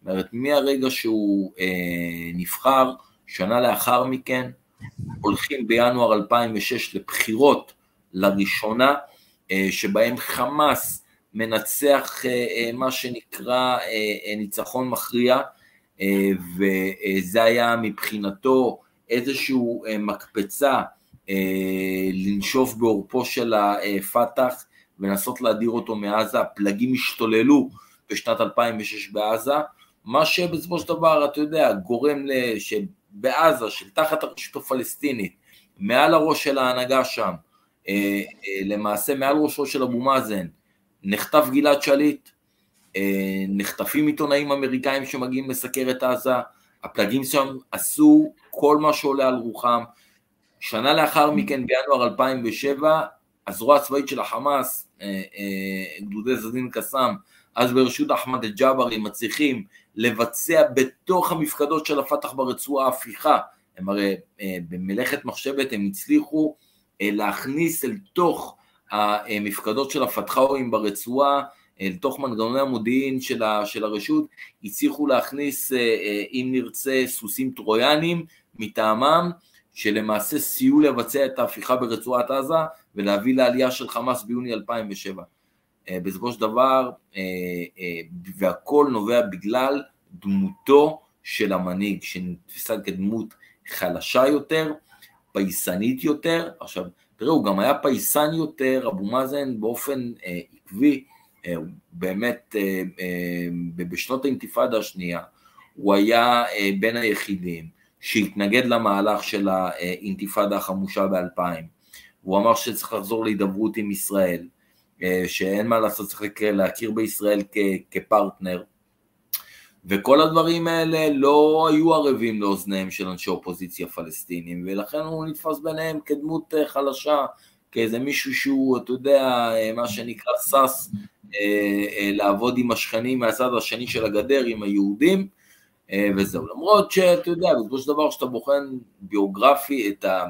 זאת אומרת, הסיפור של אבו מאזן לאורך השנים, אז אה, גם המעורבות שלו אה, בפיגוע במינכן בשנות ל-70, אה, כמי שהעביר כספים לראש ארגון ספטמבר השחור, לראש מנגנון פיגועי החוץ, לאבו דאוד, בסדר? ומעבר לזה, אם נרצה, הדוקטורט המביך שעסק בהכחשת שואה שהוא עשה באוניברסיטת אה, פטריס לומבובה במוסקבה ב-82, שאחרי זה פורסם אה, כספר בירדן, בעמאן, ב-84, שבו הוא, הוא מכחיש שם שואה בצורה גורפת, שהוא עד היום מסתבך עם הסיפור הזה. ההסתבכות האחרונה שלו בהקשר הזה הייתה שנה שעברה, שהוא ביקש לשאת דברים בברלין על האירוע במינכן, ב-72, אז הוא אמר שמדינת ישראל עשתה 50 אה, שעות או 100 שעות לפלסטינים וכדומה. קיצר, אי אפשר גם אותו בסופו של דבר עם כל הניסיון שלו, מה שנקרא לשמור אה, על, אה, על התיאום הביטחוני המקודש, אי אפשר להאשים אותו באהבת יהודים. ב-2015 הייתה לו עוד איזושהי אמירה מאוד מאוד קשה, שצריך להדיר את אה, רגליהם המטונפות של היהודים מהר הבית וכנסיית הקבר הקדוש. קיצר, דמות, אחי, דמות, נו, מה. אמ, אם באהבת יהודים אנחנו עוסקים, אז ערב טוב, אדם אטיאס היקר, איזה כיף אה, לראות את התגובה שלך פה שאתה איתנו, אה, תמיד מרגש. ואני אגיד, כן, הבן אדם לא חובב ציון, לא חובב יהודים, אבל אני דווקא חשבתי שהסיפור שלו הוא סיפור אחר, שאתה יודע, הוא קיבל את השלטון אחרי ערפאת, אה, האמריקאים והישראלים לחצו עליו ללכת לבחירות, הוא ידע שהוא לא, לא ינצח בבחירות האלה ושזה לא מהלך כזה טוב בשבילו, ואז הוא אמר, טוב, יאללה, נשאיר את זה באמת, uh, let, let the best man win, מה שנקרא, והוא באמת הפסיד. אה, ובסופו של דבר זה הוביל לו לחמאסטן ופתחסטן ולמלחמת האזרחים הפלסטינית שהתחילה אי שם ב-2007 עם דברים נוראים. אה, לפי דעתי הפרק הבא שלנו יעסוק באחמד יאסין, אז אנחנו נדבר על זה הרבה יותר, על באמת מה היה שם בבחירות 2006 ואיך אה, מה, מה חמאס עשו שם ואיך הם השתלטו על הרצועה, כי זה סיפור מבחינתי מטורף בפני עצמו. אה, אבל אני חשבתי כאילו, אתה יודע, לחצו עליו, הביאו אותו לבחירות, ואז אחרי הבחירות, הוא, הוא, אז הוא התחיל להיות דיקטטור. כאילו היה נח-נח לפני, ואז הביאו אותו ל... למקום שהוא מבין שהוא לא יכול להיות uh, כזה, לא, לא יכול להראות דם, ומאז האיש הוא מאוד קשור, אני כאילו לפחות חווה אותו כדיקטטור לכל דבר ולכל עניין. אה, מוקדי הכוח שלו הולכים ונחלשים, אבל באמצעים שיש לו, הוא דיקטטור חבל על הזמן, כאילו, אתה יודע, הוא גם משתמש נגיד בתיאום הביטחוני מול ישראל תמיד, אבל הוא אומר, לא, נפסיק את התיאום הביטחוני, נפסיק, הוא הפך להיות בדיחה של עצמו בכלל, לא יודע איך אה, יש לו תמיכה ברחוב שלו, מרוב שהאיש הוא באמת קצת מגוחך, כאילו. תראה, אה, הדור, הדור הצעיר בגדה שונא אותו. אה, אני חושב שכמות הצעירים, נגיד, אם אתה מכמת את זה לגילאים 20-40, אבו מאזן הוא מבחינתם לא אופציית כבר, הפך להיות נפשם, במיוחד בקצוות הפריפריאליים של יהודה ושומרון, אזור חברון שמאוד מזוהה עם תנועת החמאס, גם, גם חברון העיר וגם כל המרחב שמצוי מדרום לחברון, האזור של סמוע ויאטה ודהריה וכדומה, האזור של מה שנקרא של ג'בל חליל, וגם האזור הצפוני של, של ג'נין, שהוא פר אקסלנס, אזור בדלני שמזוהה, אתה יודע, עם איסלאמיסטים, ג'יהאד איסלאמי, חמאס וכדומה, אין, אני אומר בסופו של דבר, אתה יודע, אני, אני חושב שאם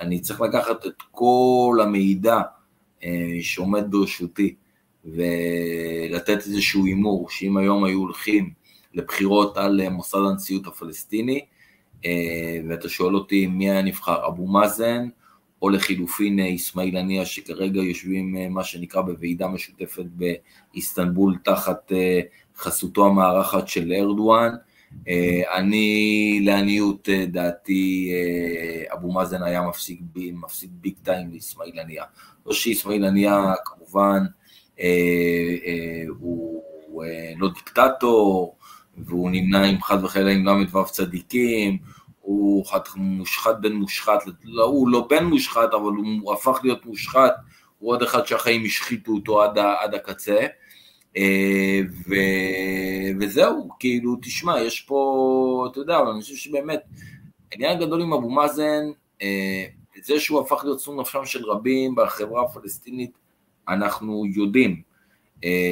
אני, זאת אומרת, ביקטה לראשונה הכרה בהקשר הזה, זה שביוני 2014, רגע לפני חטיפת שלושת הנערים בגוש ציון, גוש עציון, היה ניסיון הפיכה של עזדין אל-קסאם, מי שעמד מאחורי ניסיון ההפיכה הזה היה לא אחר מסאלח חרורי, לא אחר, המוח אם נרצה. איך הוא עדיין מסתובב בעולם ו...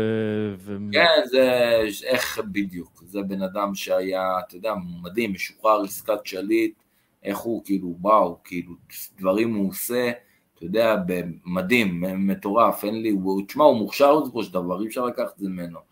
ואותו סאלח חרורי, שמנסה, אשכרה לעשות הפיכה ברמאללה ולולי התיאום הביטחוני ומידע בזמן אפס, מידע סיכולי שמביא השב"כ, הניסיון הפיכה הזה נמנע בשעתו, ממש הזרוע הצבאית של החמאס, היה לה חוליות רדומות של למעלה ממאה איש בכל, בכל רחבי הגדה, חמושות לאיפה באותו שעה, שתכננו, ובסופו של דבר, וכל הסיפור הזה, נעשה שתבין גם את, את, את, את, את החמאס ואת האסטרטגיה המרושעת שלה.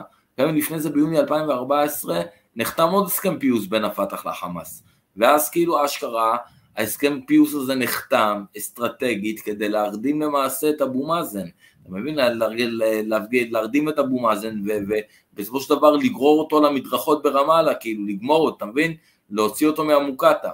עכשיו, יש פה... אה, אה, ואז אתה מבין שתשמע בואנה יש אנשים בגדה שאשכרה שונאים את הבן אדם הזה, מוכנים להגיע עד למוקטעה ולתפוס אותו מהשפם שלו אחי, אתה מבין? ו- ו- ו- ולגמור אותו. עכשיו, מצד שני, מצד שני, אני אומר, תראה, שנים כבר מדברים גם על ירושת אבו מאזן. מי הולך להיות לצורך העניין לשאת להיות יושב ראש הרשות הבא, או ראש אש"ף הבא, ראש הפת"ח הבא, אוקיי? כי הוא נושא בכל התפקידים האלה. אגב, גם ערפאת נשא בשלושת התפקידים, מה שנקרא השילוש, השילוש הקדוש, פת"ח, אש"ף ורשות. עכשיו, מי, באמת, השאלה הגדולה שעומדת על סדר היום, אתה יודע, יש המון, המון דורשים למלוכה, ומאבק הירושה הזה הוא, הוא מאבק סוער ויש בו עיסוק אובססיבי, שגם בצד הישראלי וגם בצד הפלסטיני, אז מה, מי האנשים? מי, מה ההימור שלך, דרוויש? אני חושב שאחרי שהאיש הזה ימות, הרשות הפלסטינית, כאילו האזרחים שנתונים לישות הפוליטית הזאת, ייכנסו רשמית למלחמת אה, אזרחים. כל הדבר הזה שנקרא פת"ח, רשות, אש"ף, זה הכל יתמוטט, אין שם אף בן אדם אחד שהוא לא מושחת עד העצם ושכאילו יש לו איזושהי הגינות של לבוא ו... ולקחת ולהוביל את העם. תראה, אחד מאחרוני המושחתים, אחד מאחרוני המושחתים של הדור של טוניס, נפטר השנה, אבו עלה, שהזכרתי את השם שלו כמה פעמים, אבו עלה, תשמע, הבן אדם הזה, לא, אחי, הוא, הוא, הוא, הוא, לא, הוא לא רע בעיניים. ומצד שני, אתה יודע, הוא היה, אה, אה, הבן אדם הזה ניהל עסק משפחתי של מפעל מלט ביריחו, שהעסק הזה הנפיק חומרי בנייה להתנחלויות הישראליות ביהודה ושומרון. וכאילו, לא, אתה יודע, האנשים האלה בשביל למלא את הכיס שלהם בכסף, פשוט עשו, עשו הכל, אחי. לא עניין אותם כלום. אני, שמע, פרשות שחיתות, אולי נעשה לנו מתישהו איזה פרק על כל הסקנדלים הפלסטינים של, של האנשים האלה, כי מה שאני אומר, אני חושב מהיכרות שלי, שמע, אין דמות כזאת. היחיד שיכול להיות איזשהו משהו שבאמת יהיה, אה, אתה יודע, זה מישהו שהוא כאילו לוחם, איזשהו מישהו שיש לו איזושהי יוקרה מסוימת, זה מרואן ברגותי. ישראל בחיים לא תיתן לדבר הזה לקרות. לדעתי הדינמיקה של הדברים הולכת לכיוון של מלחמת אזרחים. אתה יודע מה החומת מגן נגד מרואן ברגותי? קודם כל מסכים איתך, ילכו פה ל... למלחמה של מיליציות, שכל מתמודד יש לו את החמושים שלו בשטח. אני, ההימור שלי זה שהרשות הפלסטינית עומדת להתמוטט, כאילו, אבל זה, זה ההימור שנראה לי הכי, הכי הגיוני. אתה יודע מה החומת מגן נגד, נגד מרואן בראותי? אה, בגדול החומת מגן נגדו, אה, כי מאוד חוששים ממנו, למרות שהוא יושב אה, מה שנקרא, הוא אסיר עולם בכלא הישראלי. יש קואליציה של חוסיין אשר ושל מג'ד פארד, שהם גם שניהם טוענים לכתר ביום שאחרי אבו מאזן, שלא משנה מה, לעצור כל מהלך אפשרי שבראותי לא יגיע לכיסא. בראותי, אגב, ב-DNA שלו, יש לו DNA של מהפכן, אין לו DNA של מדינאי. אם ברגותי יעלה על כיסא הנשיאות, תתחיל פה וואחד אינתיפאדה, אחי. לא, לא יקרה, זה, זה, זה תרחיש שהוא, שהוא לא, לא יקרה, אני לא יודע באמת כמה הבן אדם הוא... אה, מה מצבו עכשיו ומה הוא, הוא עושה. ו... הוא גם, אתה יודע, גם נוצרה סביבו דמות כזאת, אתה יודע, של מרואן בראותי, של יעני נלסון מנדלה הפלסטיני, של לוחם חופש כזה, אתה מבין? כאילו... אנחנו ניתן, ניתן לפלסטינים קרדיט על זה שהם אלופים ב marketing וביצירה של נרטיבים. הם מנקניקים את הישראלים עם מעט מאוד אמצעים בכל מה שקשור ל... להבניה של סדר השיח, מה שנקרא, אז הם מכתיבים את הקצב הרבה הרבה פעמים, ואז מתבלבלים מי פה הצד החזק ומי פה הצד החלש, אה, אבל זה, זה תענוג באמת אה, לראות. אה, אבל אני, אני חושב שהפלסטינים הולכים לקראת תקופה שהיא לא, לא נעימה. אני שוב, אני אומר את זה בצער רב ובכאב, אבל הם בוחרים בהרבה מהמקרים את דרך המלחמה והג'יהאד ואיך שלא תקרא לזה, שבסופו של דבר צריך לשלם את המחיר הזה. הם כאילו, אתה יודע, הם משלמים את המחיר הזה בדם, וזה רק מלבה את היצרים עוד יותר, אבל באיזשהו שלב צריך לעשות את החישוב הזה של פנינו לאן, והם יידרשו אה, לשאלות קיומיות, שדרך אגב גם ישראל באיזשהו שלב עומדת בפני השאלות האלה, אבל אנחנו רחוקים מאוד מהשיסוע שנמצא שם, וככה ההיסטוריה מתקדמת לצערי הרב, והם יילחמו אחד בשני עד שיוציאו איזשהו מנהיג שיגיד להם שיהיה מספיק אמיץ בשביל לבוא להגיד, חבר'ה, אנחנו לא נזרוק את היהודים לד... לים, היהודים לא יזרקו אותנו לים, אנחנו נצטרך למצוא דרך של, אתם יודעים מה? האינטרסים לשלום כנראה עולים על האינטרסים למלחמה, ניסינו את זה מאה שנים, וואלה, לא עובד, בוא, בוא נעבור למשהו אחר, או שאתה יודע, ניכנס למלחמת גוג ומגוג, אני לא יודע, אבל זה... מה שכן, זה יהיה מעניין, ואנחנו נדווח על זה בפודקאסט ישר, כאילו, זה... כי הכל קורה לנו מול העיניים וזה מעניין בטירוף. תראה, משהו אחד, אתה יודע, דיברנו על, על ערפאת, על הדמות, על האדם, תכף נתחיל כזה לכסות השידור וכדומה. תראה, אבו וואלה כתב בזיכרונות שלו, הוא כתב ש, שהרשות עברה מהרצועה לגדה בשנת סוף 95, תחילת 96, שהם רגע לפני שהם, אתה יודע, התמקמו ברמאללה, ערפאת מגיע לבקר מה שנקרא הכשרה של שוטרים פלסטינים ביריחו. והוא אומר להם, אתם לא סולטה אל-פלסטיניה, אוקיי? אתם סולטה מוחרבה, אתם מה שנקרא רשות לוחמת. כלומר, מכאן, אני אומר באיזשהו אופן, מתחזקת ההבנה שכאילו כל הזמן עמד לנגד עיניו של ערפאת רעיון הטאורת, רעיון המהפכה.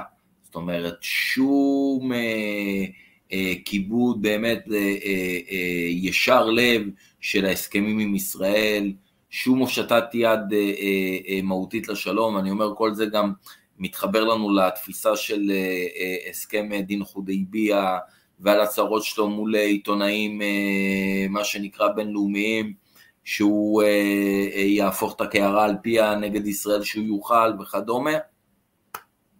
הנה עוד, אה, עוד הוכחה, אתה יודע, ממה שנקרא, מאדם שהיה מאוד מאוד מקורב אליו, שהוא, אתה יודע, הוא, הוא, הוא רצה ממש להכשיר איזושהי צבא, שבאמת האמין שיכל להילחם בישראל ולהוריד את ישראל על ברכיה. זהו. אין ספק. אנחנו נביא את השידור הזה לנחיתה. יש עוד איזה משהו שאנחנו צריכים לדבר עליו ולא לא דיברנו? נראה לי שכיסינו פה עולם ומלואו תכלס. כן, כן, אתה יודע, השתדלנו, כמובן תמיד אפשר לדבר עוד וכדומה, אבל נראה לי ש... די בכך, שעה וחצי שידור, או שעה מאוחרת. מה, אנחנו, בדיוק רציתי להגיד לך שהכרכרה שלי הפכה לדלת, כי עברנו את החצות, ואנשים עדיין איתנו, איזה כיף. כן, מדהים, מדהים, מדהים, מדהים, לא, לא מובן מאליו.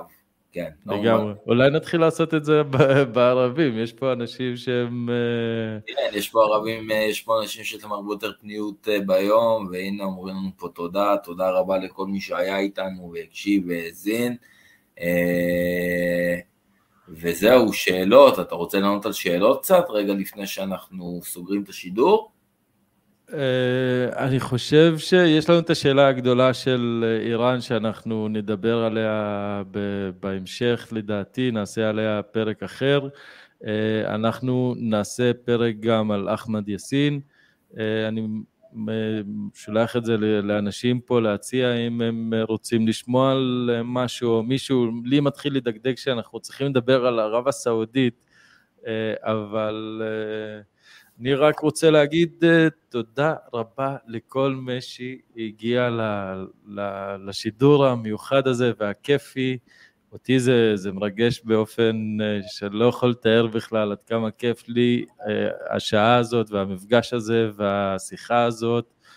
הדיונים איתך מרתקים, וזה גם תמיד מפתיע אותי שאנחנו, אתה יודע, אני מדבר איתך ביום-יום, ואנחנו כל הזמן, ואתה לא מפסיק להפתיע אותי. בכמה מידע וידע אה, מטורפים אתה מביא, באמת, מהמם. בכיף, אחי, שמח, ואתה יודע, באמת מהרגעים המשובחים שיש לי כל שבוע, הישיבה הזאת מולך, והשיח פה באמת הפורה על המזרח התיכון, שאגב, אתה יודע, אנחנו מדברים אה, בעיקר תמיד עם איזושהי זיקה לבית, לפלסטינים, למה שקורה פה, שזה יפה. אה, וזהו, ויאללה, נו, שבוע הבא ניתן אה, פרק על אה, שייח' שייח יאסין. כן, שיהיה מעניין, אני בטוח. טוב, hebros and shebros, היה כיף. כמובן, אם מצאתם ערך בשידורים שלנו, תפיצו את זה, ושעוד אנשים ישמעו על הפודקאסט הנהדר שלנו, לחפש את מרד החליפים ביוטיוב. אה, ולעשות לי subscribe לערוץ, זה יתמוך בי בצורה הכי נפלאה שיכולה להיות. אה, ותשאירו לנו תגובות ושאלות ועניינים מוזמנים בחפץ לב ממש, כי זה עושה את כל הסיפור הזה לפאן הרבה יותר. אה, ועם זה אנחנו נסיים. אני, נראה לי, אשים לנו שוב פעם את ערפאת נכנס לעזה או קדאפי? לא, יאללה, נשים את... לא, ערפאת, מה, תן פה, אתה יודע, נסגור אני אתן לו את ה... אני פשוט כאילו, אתה יודע, אני מנסה לדחוף את קדאפי, כי זה היה ממש ממש כיף. אבל אני אלך ולח... כן, קדאפי היה, קדאפי היה פרק fun עם הסרטון הזה של נוי אלוש, כאילו, כן. מהממת, כן. אז אה, יאללה, ערפאת נכנס אה, לעזה, סוגרים את השידור. חברים, לילה טוב, תודה רבה לכם, היה ממש כיף לעשות את השידור הזה. ביי ביי. לילה טוב לכולם, סוף שבוע נעים. סוף שבוע נעים, נכון? יאללה, עכשיו אנחנו לערפאת נכנס לעזה. وسعوا الميدان يلا وصفوا على الجنبين. يا هلا ويا حي الله ويا مرحب بالزين. وسعوا الميدان يلا وصفوا على الجنبين. يا هلا ويا حي الله ويا مرحب بالزين. ناديت بالعالي بتحاوي يا غالي يا رمز النضالي هذا العز منين